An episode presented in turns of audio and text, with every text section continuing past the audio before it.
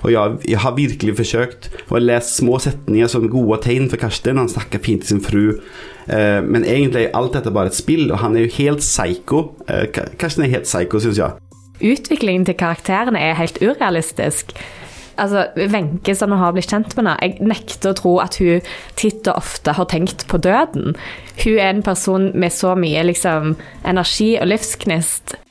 Jeg er sjokkert over at Karsten og Wenche har sex med hverandre. Hei og velkommen til Sølvbergets podkast. Jeg heter Åsmund Odnøy og sitter sammen med mine kolleger Talle Dobbert og Thomas Gustavsson. For i høst så driver vi og leser oss gjennom Alexander Kiellands klassiker 'Gift' fra 1883, kapittel for kapittel. Og i dag er vi kommet til kapittel 11 og 12. Eh, ja, så først bare en liten fot i bakken her.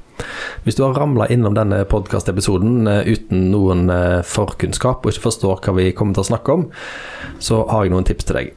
Eh, gjør dette som jeg sier til deg nå. Sett denne episoden på pause. Og så drar du til Sølvberget, til Madla, eh, til Finnøy eller Rennesøy bibliotek og skaffer deg ditt eksemplar av Gift. Eh, Hvis du bor noen andre plasser, så kan vi sende boka til deg i posten. Bare ta kontakt med oss på podcast.solberget.no, så skal vi sende den til deg i posten. Og det du gjør når du får boka i posten, at du leser kapitlene, og så hører du på episodene vi allerede har publisert om de foregående kapitlene. Og så, når du har lest kapittel 11 og 12, så trykker du på play i podkast-appen din igjen, og da hører du på denne episoden. Den var grei? Nydelig. Ok, da skal vi over til kapittel 11 og 12, som vi har lest, og nå nærmer det seg slutten her. Um, tale. Det skjer veldig mye greier i Gift kapittel 11 og 12. Gi oss et kort uh, handlingsreferat. I kapittel 11 så sliter Wenche med tunge tanker i natten og blir forrådt både av sin mann og av Mortmann. I kapittel 12 er Wenche død. Abraham er knust, og Karsten er opptatt av å holde på fasaden, for Wenche har tatt selvmord. Ja, det var, det var nesten en Twitter-variant, eller eh, hva det nå heter. Det heter X. Det nå. Ja. Den kunne passa inn på Twitters eh, lengdeformat. ja, er du ikke stolt? Jeg er ekstremt stolt. Du er i ferd med å bli en sånn tabloid sjel-tale. Du går fra det høye litteraturbibliotekutdanningen ned i rennesteinen på no time. Det, dette er perfekt. Mm, det, det tok bare tolv kapitler. Det tok bare tolv kapitler. Veldig bra. Eh, men bare for å komme til det som jeg i hvert fall lurer på, og jeg, kanskje jeg ikke leser godt nok, men altså, hvem er faren til denne ungen til Wenche? Har dere fått svar på det? Jeg, jeg er like forvirra etter å ha lest disse kapitlene. Altså, jeg har, har bestemt ment at det er Karsten hele tiden, jeg. Men Uh, ja, jeg også. Jeg, jeg, jeg tenker Altså, jeg har, jeg har blitt litt usikker innimellom. Eh, siden hun går til han uh, Altså går til Mortemann, men han virker helt, helt, helt uvitende, på en måte. Og hun Wenche også virker altså, sånn at det, det er ingen tvil om det, på en måte. Og han uh, Altså, du, det, vi kommer til, til, videre til dette på, men vil jeg kjenne Karsten litt mer hvordan han tenker, så, så tror ikke han egentlig at Wenche har vært utro. Eh, hun tror bare at, at Wenche liker å bli likt av unge menn, på en måte. Men tror at, han tror ikke at hun egentlig har gjort noe. Men vi, vi vet jo ikke helt, men jeg, jeg tipper at det, var, det er ganske langt derifrån. Jeg tror de bare har eh, kanskje holdt litt rundt hverandre, liksom. Ja, Men hvorfor blir han eh, Karsten der så gal da, når hun forteller om dette barnet? Jeg forstår ikke det. Altså, han virker jo som en fyr som Han kunne godt levd med en unge som var sånn halvveis interessert i. Han har jo et liv hvor han har eh, basert seg på å eh, på en måte bare spille med og gjøre det samfunnet forventer, og et barn fra det til. Det skulle han vel klart òg. Jeg, jeg skjønner ikke reaksjonsmønsteret her. Nei, jeg, altså, jeg kan jo si meg enig, men samtidig så eh, får vi vel vite, og nå har jeg dessverre ikke eh, Jeg tror ikke jeg har notert meg hva side det er på, men noe av det som Karsten reagerer sånn på, er jo at han tydeligvis alltid har vært en tydelig forkjemper for å ha få barn. Fordi hvis man får mange barn, så blir man eh, fattig og kjip. Eh, Ja, men det, altså, eh, fra én til to, det er ikke mange hvis du snakker om 1800-tallet. De fikk jo en, en minst fire-fem unger. Du, det er du som er statistikkeksperten, var, men jeg tror det var ikke mange å få to barn når du i tillegg, i tillegg er loaded, sånn som, eh, sånn som eh, Karsten er. Men- Nei, men det, jeg tror det han, liksom, det han er redd for, er å miste ansikt, fordi han har vært så tydelig på at han alltid skulle ha mange Nei, han skulle bare ha ett barn. Og så hvis han plutselig nå, etter liksom 15-16 år, skal ombestemme seg, så er det et for stort tap av ansikt. Jeg, Jag, jag tror at det handler om at han er sjalu. Altså, vi får jo vite ganske mye om hvordan han egentlig tenker, og at eh, Wenche alltid har hatt det sånn som dette, at, eh, att hon har blitt likt av menn, og hun har likt å bli likt av menn. Eh, at han har håndtert det gjennom å late som ingenting og var väldigt lata som att det inte går in på han alls och vara intresserad av den här personen och sånt.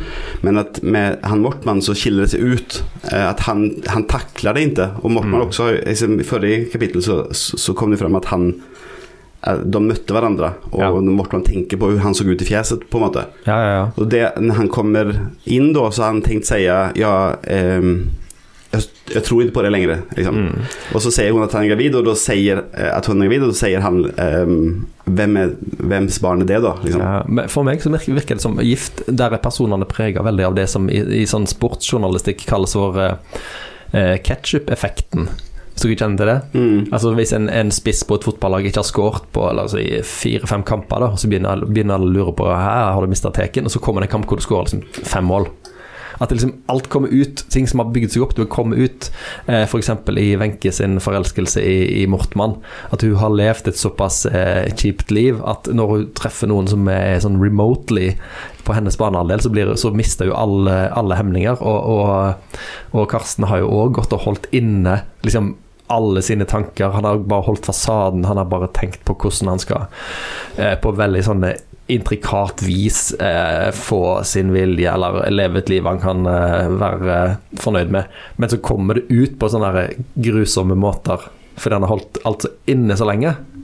Eh, det gir dette mening? Ja, ja, jeg syns det er en god analyse. Men jeg vil protestere mot noe. Jeg har aldri hørt Jeg, jeg syns ikke at det er et sportuttrykk.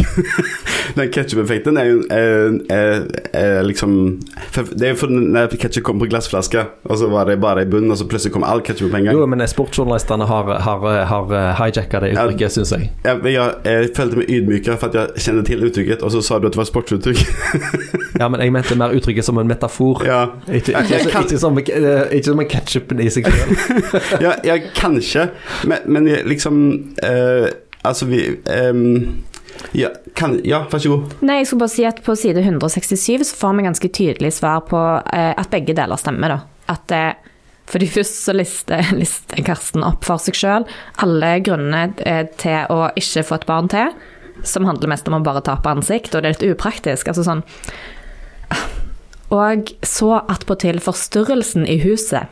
Alt bryderiet og utriveligheten som er lett å bære mens man er ung, og det er nytt, men som bare forstyrrer og setter huset på ende når man har kommet vel i orden. Men de har jo tjenere, disse folkene her. De har jo masse folk som fikser opp ting for seg. Og han er jo en, en latsabb som spiller kort, og han er ikke interessert i å, å drive med investeringer engang. Han, han, han er jo eh, Hva heter det? Han, han, er, han lever på sparebluss, sånn rent, rent sjelsmessig. Så det, det virker som han, han har ingen interesse av noen ting.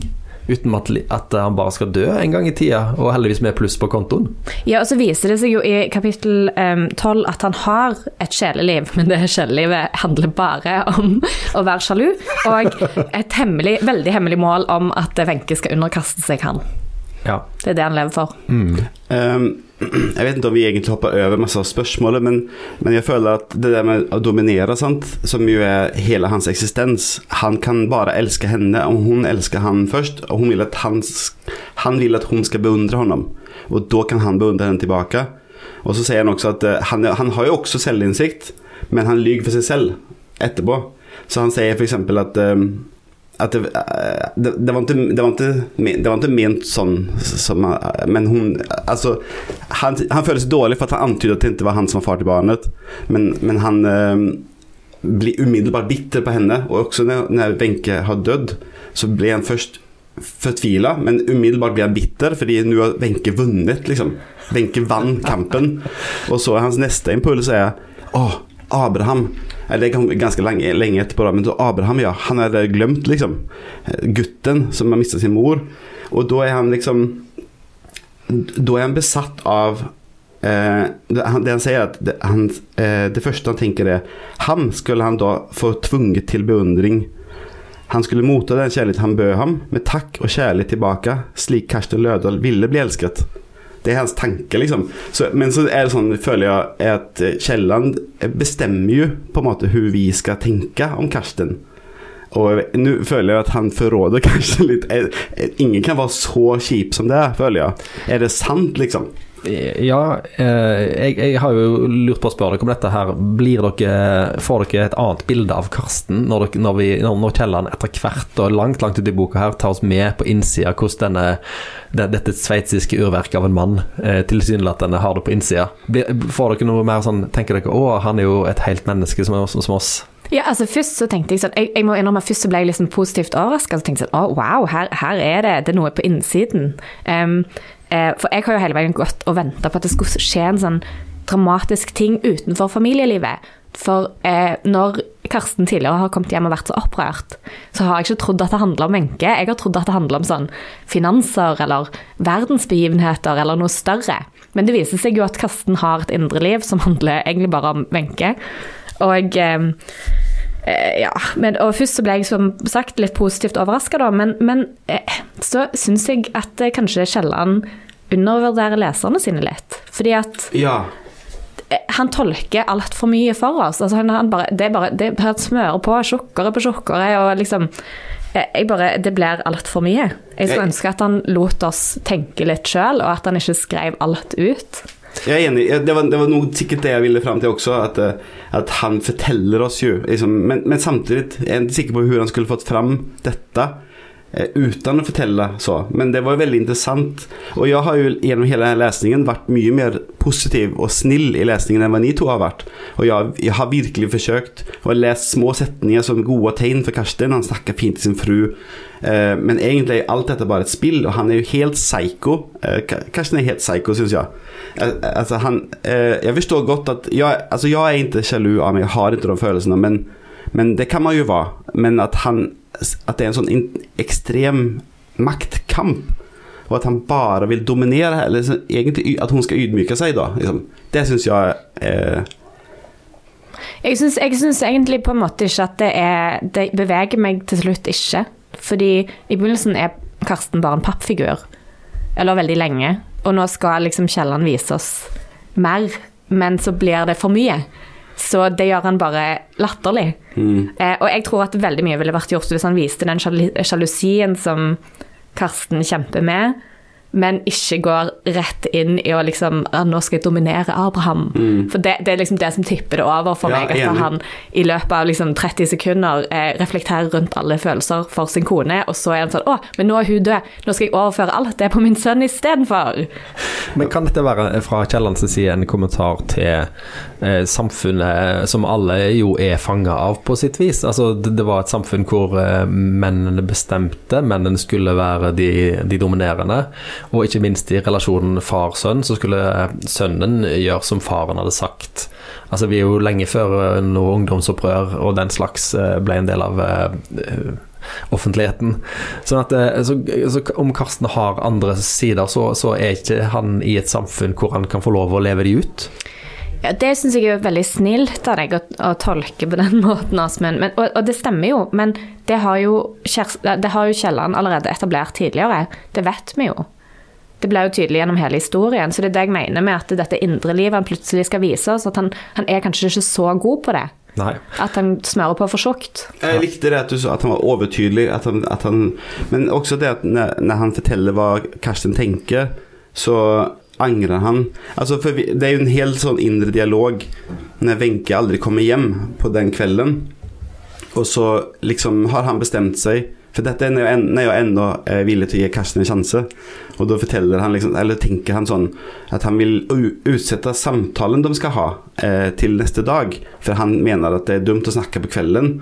Og han har jo sagt jeg tror det, var, altså det, det er ikke jeg som er far til ungen, sier han liksom.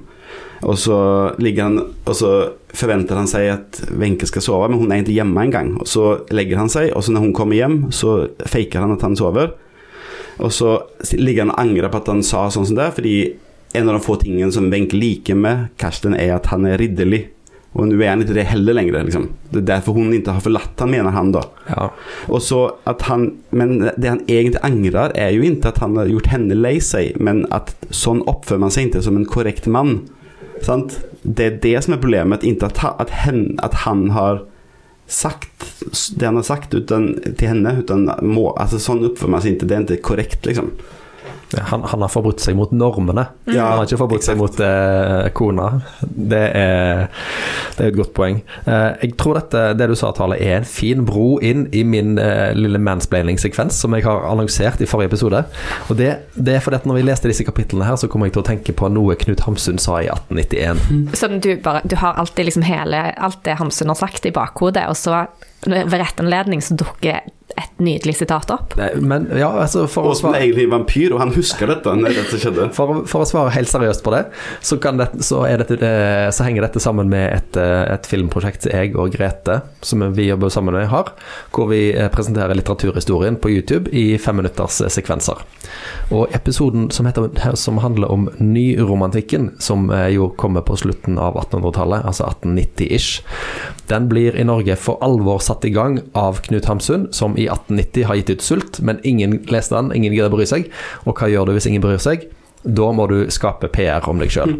Så i 1891 så starta Hamsun en, eh, en foredragsturné i Bergen, og han skulle etter hvert besøke jeg tror det var oppe mot 20 norske byer med disse foredragene sine.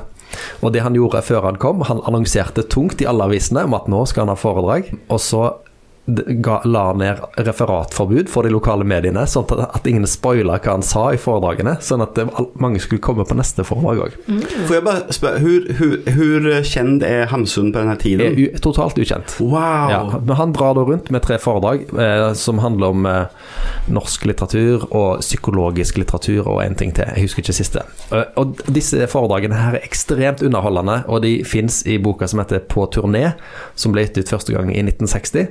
Eh, for dette, disse manuskriptene hadde vært eh, forsvunnet, men de ble funnet igjen på 1950-tallet og etter hvert gitt ut i bokform. og der, hva gjør du for å skaffe deg oppmerksomhet som ung forfatter? Jo, du skjeller ut alle som har gått før deg, eh, og da særlig de fire store. Eh, og, og det, er, det er utrolig tøft gjort. Og når jeg leste disse kapitlene om eh, Wenches selvmord osv., så, videre, så tenkte jeg på Hamsun i 1891. Og dette er da Hamsuns beskrivelse av Kielland. Det er lov å le. Kielland har som samfunnsforfatter fylt en plass og gjort en gjerning i vår litteratur. Han er en utmerket skribent. Ta hans bøker ut av vår litteratur, og det vil bli et stort hull. Da har han sagt noe fint om Hamsun. Nei, om, om Kielland. Og så kommer det. Han er den flinkeste, mest oppfinnsomme handlingens dikter vi har. By har med en fabrikk å tumle med, han tumler med den som en fagmann. Han grasserer med penger og verdier, mø møter forfalne papirer med nye, trasserer på kryss og tvers, utnytter sjanser og skaper seg muligheter som en spiller. Og så kommer det. Men derfor har også denne mann en interesse for livets grove trafikk, som langt overstiger hans kjennskap til menneskets psykologi. Han er samfunnets, ikke sjelens skildrer. Relativt drepende karakteristikk, og når du kommer fra en fyr som eh, ingen bryr seg om, så eh, Jeg vet ikke om det svir mer eller mindre, da. Men, Det- men det, er jo en, det er jo en kritikk som, som på en måte har blitt hengende ved Kielland, og jeg syns kanskje jeg fikk eh, disse assosiasjonene når jeg leser Wenches eh, liv eller død-overveielser i kapitlene vi har lest. Jag er helt enig. Jeg jag syns det er drepende fordi at det, det går rett inn i sannheten. Og det derfor säkert därför å skrive bøker Jeg följde det var veldig det var veldig For det er ikke troverdig. Liksom, et av de spørsmålene du har stilt oss er hvordan vi føler med Wenches selvmord på en måte, og hvordan vi føler med hennes funderinger. Og det føler jeg ingenting over. Altså, det føles ikke ekte. det, det går ikke inn på meg, på en måte. Så jeg, jag, och det er også at han var så, at han plutselig är Karsten en så tydelig skurk, liksom. Ja. Eh, Jeg tar litt mer fra Greatest Hits fra foredragene til Hamsun her fra 1891. Kielland har skapt en samling av ytre, typiske livsfølelser, som i sitt slags og rent formelt sett er mesterlige. Hans bøker er en eneste sammenhengende kjede av begivenheter og katastrofer. Det er konfirmasjon og ting, begravelser og ball, bønnemøter, selvmord og sildetrafikk i stor mangfoldighet. Og så kommer det litt senere. En sådan diktning eh, som så overveiende beskjeftiger seg med handlinger, må etter sin natur hovedsakelig bli underholdningslektyre. Og så, Ja. og så avslutter han Kielland-sekvensen sin, eh, og det han skriver om Kiellands personskildring. De er karakterer, gode, konsekvente karakterer, men det vil si riktig flinke, levende apparater med menneskenavn. Et, et, uttrykket roast var vel ikke oppfunnet i eh, 1891, men det er jo det han holder på med her, da. eh, Hamsun. Og jeg er veldig imponert av att eh, ordet underholdningslitteratur var et källsord allerede for 150 år siden liksom. Eller lenge siden det var? 140? det kan, 140? det kan hende Kielland syntes det var, ikke var eh, så dumt å bli kalt det. Han ville jo bli lest. Han, ville jo, han var jo alltid i pengenød, så han ville vel bli selge mest mulig, sånn som underholdningslitteratur gjør. Eh, Men dette på side 157 da, så står det at Wenche hadde mange ganger tenkt tanken på frivillig å gå bort, altså ta livet sitt. Henger dette sammen med den Wenche-skikkelsen vi har blitt kjent med til nå? Nei, og jeg må jo si at jeg er ganske uenig med Hamsun når han sier at dette er liksom flinke flinke maskiner, fordi at det er jo ikke det engang, syns jeg. Altså, jeg syns jo det er det som er på en måte mye av problemet i Gift, at utviklingen til karakterene er helt urealistisk. Altså, Wenche, som vi har blitt kjent med nå, jeg nekter å tro at hun titt og ofte har tenkt på døden. Hun er en person med så mye liksom, energi og livsgnist, og så skal hun liksom i hemmelighet, før alle disse livskrisene hennes har inntrådt i de siste kapitlene, ofte har tenkt på om hun skal ta sitt eget liv. Ja, eh, fordi at eh, hvis, hvis den formuleringen skulle holdt vann, så tenker jeg vi måtte fått noen hint om at hun, hadde, hun har disse høye toppene sine, sant? hvor hun er, snakker om skolepolitikk og er enormt omsorgsfull. Men vi måtte også fått noen hint om, hint om at hun hadde litt sånn et mørke i seg, Ja. som var helt sånn bunnløst. Det syns jeg ikke vi får før eh, hun da gjør det slutt, omtrent. Enig. Nei, ja, ikke i skolene i Sverige så eh, ehm, eh, leverte inn in, i Sverige heter det uppsats, det jag tror det er stil på norsk. Og da var kritikken eh, Læreren sa at det var veldig morsomt å lese, det var gøy, men kritikken var at det føltes som jeg kom på slutten midt inne i fortellingen. Og det var fordi at plutselig ble det en agentfortelling. Liksom. Så, ja, det, jeg syntes det ble kjedelig, så plutselig ble, var alle hemmelige agenter. Eller noe Altså, altså, du sier ikke liker krim? Hvordan skjedde eh, Hvor tid var det skal Jeg liker krim, men Ja, nå, men du har lenge ikke likt krim. Jeg tror jeg bare, jeg, jeg tror jeg bare følte at jeg behøvde sprite opp det litt. Og det tror jeg, det følte jeg litt at eh, Kielland også følte her. At han, han plutselig så snur seg Wenche, og plutselig snur seg Karsten. Og den eneste som er seg lik, er eh, Abraham, som bare vil, vil er en vanlig person. En vanlig gutt, liksom. Ja, og det er akkurat det er veldig god observasjon, fordi at det føles litt sånn som om Kielland kommer på å ja, å nei, å, eh, ja, kvinner må jo liksom lide og dø, eh, og sånn at eh, publikum blir engasjert i samfunnsspørsmål og kvinners frigjøring. La, oss, la oss drepe Wenche. Ja, for det er jo sånn som vi snakket om med Lille Marius. Igjen så er det de som står i en, i en tøff kamp, de, de dør. Ferdig med det. Altså Ja, og det har vi jo snakket om før, det er vi jo egentlig fan av i litteraturen. Vi elsker når folk dør. Du, du elsker det, jeg syns det er latskap. Kan vi ikke la Wenche hvis, hvis vi skal lide med Wenche, kan, kan han ikke slepe Wenche gjennom liksom, eh, de neste ni månedene, da? Så Jo, kan vi har- virkelig bli engasjert i det. Istedenfor at du bare tar livet av sitt i en stol. Ja, men jeg hadde òg egentlig bare tenkt det hadde vært mye kjekkere for alle hvis Wenche ikke døde, men hvis, hvis Karsten døde Altså, jeg hadde håpet at Wenche kanskje skulle bare myrde Karsten.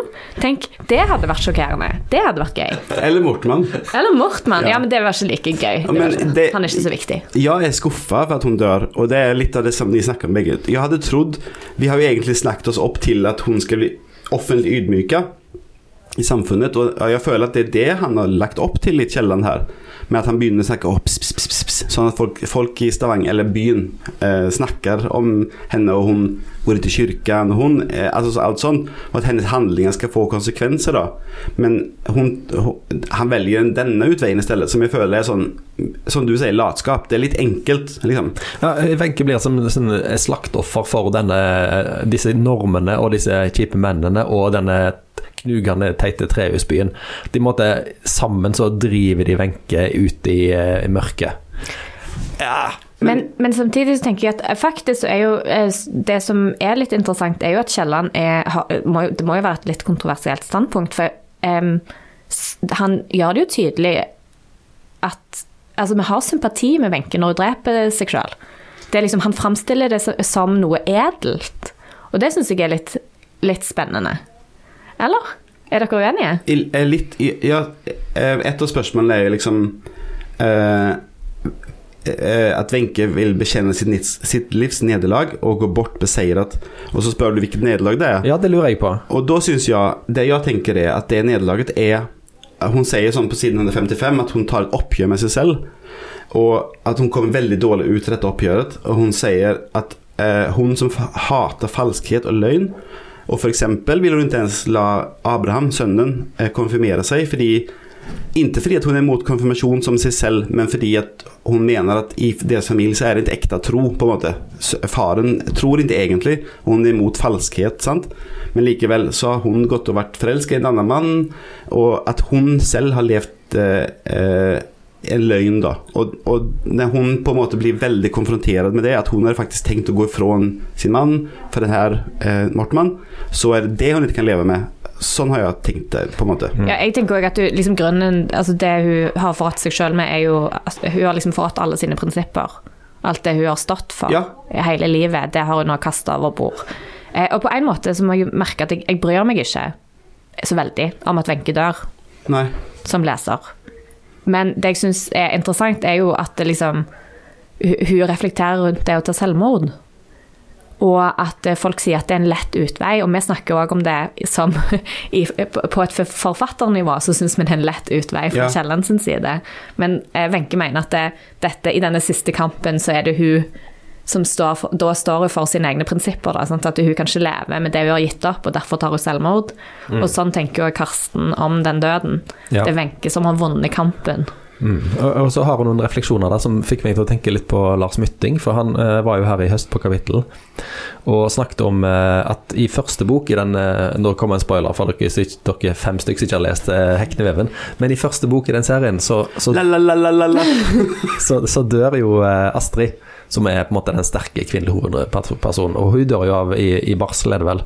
Så det har ingenting med selvmord å gjøre. Men Mytting sier at Eh, og det står i flere bøker nå at, at noen personer virker sterkere i døden enn i livet. For hennes død i 1870, eller hva det er, på en måte er den røde tråden som preger de neste generasjonene, de neste 70-80 årene. Og Wenche gjør vel noen refleksjoner her òg, at, eh, at eh, jeg husker ikke akkurat formuleringen, men at, at, at hennes minne om hun skal gjøre at Abraham tar de riktige valgene når han lever videre. Det er et eller annet sånt som, som eh, Jeg vet ikke om det gir mening. Jeg, jeg, eh, jeg kan jo altfor lite om folk som er suicidale, men, men akkurat den refleksjonen er vel ganske vanlig, tror jeg, blant de som tar sitt liv. At de ser for seg at verden vil bli bedre hvis ikke de er der. Mm. Det er jo dessverre en, en ganske vanlig ting å tenke, tror jeg, for de som er i den situasjonen. Ja, ja eh, det er jeg enig i, men jeg føler at det er ikke troverdig at, at hun tror det. Hun er veldig intelligent, og hun har en stor hun, Når man klarer å bli så engasjert som hun blir av forskjellige ting, så er det ikke så nære til, til selvmord, liksom. Og så en sånn eh, i slutt på kapittel 11 Fru Wenche hadde hele tiden visst hvordan hun ville gjøre det, og hun hadde tenkt på dem som skulle leve etter henne. Men då, i så fall borde hon väl ha gjort det på en måte som gjorde att, at eh, det, at det såg ut som en, ulykke en kanskje. Um, jag vet ikke, eller hva betyder den setningen? At hun har tenkt på de som skulle være etter henne? Nei, det er vel kanskje det Åsmund sikter til, da. At, det, at da kan Abraham oh. huske hennes prinsipper, og at hun ikke får sjansen til å på en måte ødelegge mer. Men, Men jeg, tenker... jeg tolker det som at, at, at hun, att, han snakker om metoden. Mm. At hun har visst hvordan hun vil gjøre det og at hun har tenkt på noen som kom efter Ja, henne. sånn, ja. ja, ja, ja. At eh, folk skulle tolke det som ei ulykke eller et hjerteinfarkt Ja. eller noe sånt. Så jeg blir litt overraska at, at hun gjorde det på den måten da. Ja, det er et godt poeng. Men vi vet jo ikke faktisk hvordan hun har gjort det, da. Gift. Ja, men liksom Altså, vi vet, altså det er jo mulig for hennes mann å, Ja, ja. å dekke Mm, over. Veldig godt poeng. Og Och det gjør han jo. Det, det, det er noe annet hvis hun hadde liksom slisa hovedpulsblodårene sine. Ja. Nu, nu vet ikke om det sto hvilken lege det som kom dit. Er det han samme? Favoritten til Åsmund. Dr. Bensen. För han, när, när han kommer så ser han denne typ, Jeg vet ikke om han ser flasken, eller om han kjenner lukten av det der stoffet de tagit, jeg husker ikke hva det var. Gav du henne sån? Säger han. Så egentlig, Ja, jeg gjorde det For jeg ble litt desperat, Hun holdt på å dø, Liksom. Så her er det jo eh, på en måte sånn korrupsjon da, at eh, det kunne jo vært sånn at han drepte henne. Men det, det blir aldri sett spørsmål. De vil altså ha henne legen, da, fordi de er jo venner. De, liksom, det, Det gidder vi ikke snakke om. Liksom. Ja, eh, Det finnes vel et offentlig eh, tilsyn eller to som ville tatt en kikk på doktor dr. Bensens eh, oppførsel hvis det hadde fantes i 1883. Ja. Men Men jeg vil bare si en positiv ting om selvmordet til Wenche. Og det er fordi at jeg syns at Kielland på en måte vakler som feminist i denne historien et par ganger. Fordi han um, Ofte så får ikke Wenche lov til å utfolde seg som menneske. Hun må liksom tenke, må sette Abraham først. Eh, Noe jeg jo selvfølgelig er litt uenig i. Jeg tenker at hun er et eh, tenkende menneske og må få lov til å utvikle seg sjøl òg. Og i døden så får hun endelig det. Tenkte jeg sånn, Dette har vært hennes valg, selv om hun eh, det antageligvis var et dårlig valg også for Abraham. Så tenkte jeg sånn, yes. Mm. Men det er jo Vi, vi skal komme inn på dette i en, en senere spørsmålsrunde i Giftpostkasse spesial, men, men jeg har en følelse av at eh, sterke kvinnelige karakterer på 1800-tallets eh, romanfront, de lever i livsfare. De er dømt til døden, definitivt. De skal dø, liksom. Mm. Altså, så jeg, jeg forstår ikke helt dette med sant? Vi har jo lært på skolen at eh, Kielland er representant for realismen. De skrev fordi de ville forandre samfunnet. Men de som vil forandre samfunnet i gift, de er jo doomed. Ja. Det, det, det, så det blir nesten litt mer sånn naturalistisk at du skal vise fram hvor gale det er, og ikke peke på noen løsning, ikke peke på noe håp. Altså hvis, hvis det er sånn at eh, vi trenger å lese fantasy eh, for å forstå at drager kan beseires, sant? Eh, så jeg trodde vi skulle lese realistisk litteratur for å få tro på at samfunnet kan forandre seg, ikke bare se hvor drit alt er. Men, men, Altså- men kanskje, kanskje det er liksom det er at Kielland mener mer å fyre opp et bål, at folk skal bli så rasende på eh, alt som er feil, at de skal ta aksjon. Mm. Altså, jeg, jeg, føler jo til Kiellands forsvar da, at jeg, han skriver fra et han mener väl. Han, han er, det føles jo som at han egentlig er på Wenche sin side, Liksom. Han, men han, han er kanskje bare ikke god nok forfatter til å få det helt til. Men, men jeg føler jo at han, at han faktisk er han, han, eh, men dette er liksom før eh, man visste hvordan man skulle være feminist. Eh, at eh, kvinner er mennesker, f.eks. Så jeg, jeg føler at han, han gjør Han vil vel, liksom, men han får, eh, han, det er ikke sånn man gjør det. Man, dreper dem ikke. og så tenkte jeg sånn eh, Den eneste tingen jeg har skrevet i mine notater som er, med rød tekst, er det man blir rørt av i boken. Det er liksom ikke at moren dør, og ikke at Marius dør. Det har vi helt glemt. ja. Eh, Noen av oss mer enn andre. Ja, ja, det er ok. Ja. Eh, men det man blir rørt Eller rørt av er jo feil ord her, men at det man reagerer på, er f.eks.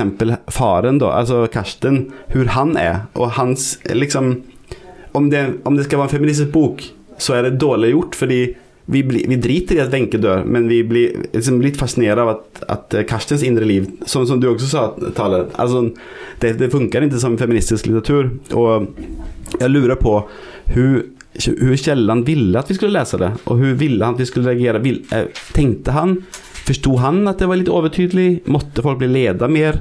Eller sånn, jeg lurer på, Og hun ble boken mottatt? Liksom? Eh, hva snakket folk om? Det, det vet jeg ikke, det må vi nesten spørre noen, eh, noen Kielland-eksperter om. Ja, Men eh, det jeg, det jeg syns er det flotteste med disse kapitlene, er jo det som står nederst på side 179 og, og, og, 100, og begynnelsen av 180, som jo er eh, fortalt fra et perspektiv som er Det er akkurat som fortelleren trer fram.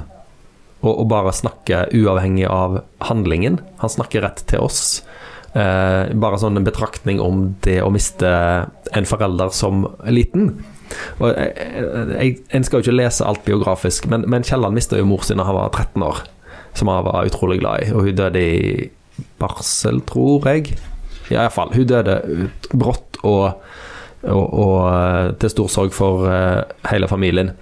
Og, og slutten av, side, av kapittel 12 er jo eh, Det må komme fra et sted som jeg sjøl opplever, tenkte jeg. For det var sånn eh, ekstremt rørende. Les gjerne de setningene sjøl. Eh, vi må snakke om en som vi ikke har snakket så mye om, nemlig Mortmann.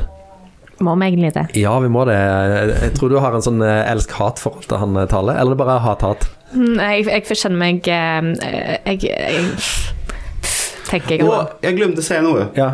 Jeg føler at uh, Dette er sikkert sånn som uh, Men jeg føler at grunnen til at uh, Karsten er som han er, er jo fordi at han føler seg underlegen. Eh, han vil, han vil beherske henne fordi at han føler seg underlegen. Det er åpenbart at hun er mer enn han er, på en måte.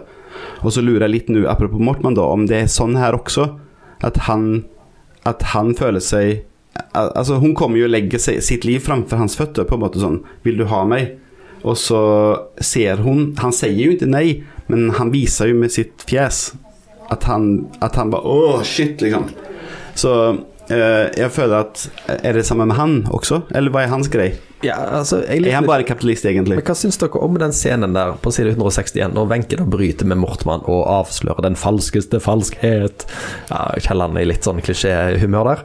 Men jeg, jeg, det, det foregår jo så fort. Det, hun trenger liksom bare å ta et bitte lite blikk på han og bare så vidt snur døra før hun har oppdaget all, alt hvor gale det står til med han, hvor fæl og kjip han er. Jeg syns det, det, det er en veldig hastig og lite kommunisert eh, scene, det der, på linje med Altså Hvis du tar det der med det tallet du mente at, at han eh, Kielland eh, maser på når vi skal få vite hva som foregår i hodet på, på Karsten. Men her er det det motsatte.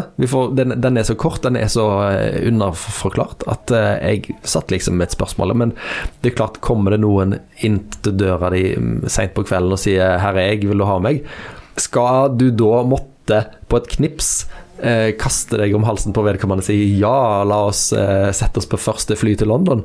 Altså, Men Det må jo være lov å bli- inderlig møte. det må jo være lov å Eh, bli sjokkert. Ja. Herregud, hun, hun, hun ser etter unnskyldninger for å dumpe Mortmann, for hun er liksom på det der eh, kvitte seg med dårlig erfaring-bagen. Men jeg, jeg, eh, jeg reagerer kanskje på noe annet i den scenen enn det du gjør, Åsmund. Og det er at eh, hun, Wenche er jo i altså, Hun er jo så dypt nede. Hun er så opprørt. Men allikevel, så på veien bort dit, eller liksom idet hun kommer inn døren, så legger hun en snedig plan om å liksom lure han til å røpe sine ekte følelser. For hun sier at hun har brutt med mannen sin, og det er jo ikke sant. Så tenker jeg sånn, å ja, ok, du, du er liksom på randen av selvmord, skikkelig fortvilt, men allikevel snedig plan som gjør at han røper seg. Jeg syns ikke at du, at du dømmer Mortmann for raskt. Jeg tenker han Du har jo dømt han siden jeg har side dømt han siden side to, ja. Men òg fordi at det, sant, dette er i, i tråd med hans karakter. At han er full av lidenskap, og så trekker han seg tilbake og er kapitalist. Eh, Men- det er veldig sånn en, en realistisk karakterutvikling, faktisk, på en måte. Men jeg vil si at eh, Ja, enig. Men jeg vil også si at selv i dag, om vi ikke har alle de her reglene og forutsetningene og store konsekvensene, om noen som du aldri har snakket om at du skal bli sammen med, på en måte ordentlig, plutselig kommer og sier 'nå har jeg forlatt min mann', så vil alle reagere med 'oi', liksom. Total angst, fordi at Ja. det, men dette viser oss jo kanskje òg at det er Karsten som er faren. Altså, eller det som vi har ment. Ja, godt poeng. At Ja. det blir plutselig for eh, intimt. Det virker som om de bare har kysset, eller liksom ja. Knapt det. Ja. ja. Men um, jeg tenkte òg at eh, dette er jo noe Jeg er enig med deg, Thomas. Herregud, jeg hadde fått megaangst av en sånn Av å måtte ta Og særlig fordi hun er så nedbrutt. Sant? Da, da får du Du har gått fra denne, fly, denne kjekke fantasien til å liksom se det mørkeste i mennesket på to sekunder, og det, det er ikke Det er vanskelig å si ja til med åpne armer. Men alt dette skjer jo òg i mørket, føler jeg, og det er jo litt sånn interessant. fordi at det er sånn, Hvis Wenche hadde venta noen timer, hadde dagen sett lysere ut, hadde hun hatt mer håp for framtiden da. Hadde Um, Jeg føler også at i mørket så kan man være mer ærlig med, med hverandre. Man er ikke nødt til å på en måte se hverandre i øynene på den samme måten. Så det, jeg føler at det, det er en ting jeg må berømme Kielland for. Han bruker natten for alt den er verdt. Ja, jeg, men foregår ikke dette om sommeren, egentlig? Ikke, ikke kom her med din realisme. Ja, Nå men, snakker vi om eh, realismen her. I et av de forrige kapitlene så sto det Det var juni. det var fredag 13. juni, og dette her er ikke så lenge etterpå. Det er jo lyst til klokka 11 på kvelden. Det er helt sant. Jeg er sjokkert over at Karsten og Wenche har sex med hverandre. ja, eh, apropos det med mørke, så, så lurer jeg på dette, som står eh, på siden 164. Det er liksom eh, når hun, kom, hun, er, hun er ferdig hos eh, Bortmann, og så står det sånn Hun svøpte seg i kåpen sin og så utover fjorden og innover mot lysene i byen. Og hun samlet sin ungdom, sin glede, sin lykke, bla, bla, bla. Hva tror ni hun sitter hen? jeg tenkte, jeg hadde så lyst til å ha et bilde av hva hun kan sitte. Har, liksom, hva kan det være? Kan det være på Valberget, på en måte? Eller hur, hva kan det være hun kan sitte og se både trenger jo ikke å være 100 Jeg samsvar med, med Stavangers Jeg liker å eh, leke. Jeg tror, tror hun sitter ute langs Vågen en plass. Det Ja. var jo masse skipshus og naust, heter det, og diverse på den tida. Det var ikke, det var ikke Beverly og, eh, og Victoria Hotel helt Men det var samme hus som nå. Ja, mange husene var samme, ja. Mm. Fins det en plass langs Vågna som heter liksom Wenches Minde, eller noe sånt? Hvor folk kan sitte og se på Oppfordre publikum til å gå ut, sette seg på en stein, tenke 'var det her', 'var det her', og sende inn eh, sine mulige svar til oss på podkast at solberget.no. Ja, eller tagg det i sosiale medier med 'Vi leser gift'. Mm. jeg, jeg, jeg, det var ikke det at det var så viktig spørsmål, men, men jeg, jeg syns at det var en fin, et fint bilde. Og så apropos det med mørk, at hun, at hun sitter i mørket og er li, litt kald, og så ser inn um, Ser inn mot byen og ut mot fjorden, liksom. Så jeg, bare likte, jeg likte veldig godt det bildet. Og så ender hun jo opp med katastrofe, da. Så det var inget uh... Ja. Oppfordrer jeg publikum til å gå og liksom finne ut hvor, hvor tid ble det mørkt eh, den 13. juni i 1883. Eh, Samtidig som 13. juni 2023, vil jeg tro, da. Hvis ikke de har eh, hatt noe sommertid og vintertid som var annerledes da. Ok, eh, men når vi har kommet til faktisk siste kapittel nå i Gift, det blir neste episode, eh, hva mer er det å lure på nå? Marius er død, Wenche er død, Abraham skal konfirmeres. Eh, Mortmann virker å være på vei ut av eh, soga. Hvordan skal Kielland holde dette gående resten av sidene? Hva er det som eh, står på agendaen i denne lille dumme treøysbyen? I flere bøker til! det blir jo to bøker til! Å ja, shit. Ja. Eh, ja, det er jo Abraham da. Eh, altså, dette, jeg har iallfall ikke lest det. Har du jukset? Nei, ikke du heller? Nei, jeg har heller ikke juksa. Eh, Kanskje han eh, beveger seg mer Altså, jeg vet ikke, nå er det jo på en måte helt uviktig hva som skjer i det siste kapittelet. Det blir sikkert noe deprimerende. Men eh, at, det, at det, vi har ikke hørt så mye om denne fabrikken og de arbeiderne og sånn. Kanskje vi går inn i de lavere samfunnsklasser, eller får vite mer om det? Det er jo et godt poeng, fordi jeg tror neste bok er Fortuna. Som er nummer, eh, nummer to, og det er jo fabrikken. ja. ja. Men det er jeg helt uinteressert av, så jeg, jeg håper ikke Så jeg håper at det blir noe eh, ja, Men jeg hadde liksom tenkt at Karsten skulle reagere med sorg, og så blir han jo Er det omvendt, på en måte? Han føler nå har jeg tapt mot Wenche, liksom, og nå skal jeg i stedet dominere sønnen. Så jeg, jeg vet ikke, da, håper jeg egentlig at Abraham blir hovedperson. At det handler om han. Eh, Heng med oss i neste uke. Da kommer gjennomgangen av kapittel 13, og muligens en liten oppsummering av eh, hele Gift i tillegg, siden det er bare ett kapittel igjen. Og vi kan jo ikke ha en kort episode. Det går ikke an. for at dere kom. Og så eh, ønsker vi alle ei frisk, sunn uke. Så Full av epler. full av epler, og vi har nummeret til dr. Bensen. hvis Jeg er frisk igjen! Uh, Ja, det er bra. ha det! Ha det. Ha det.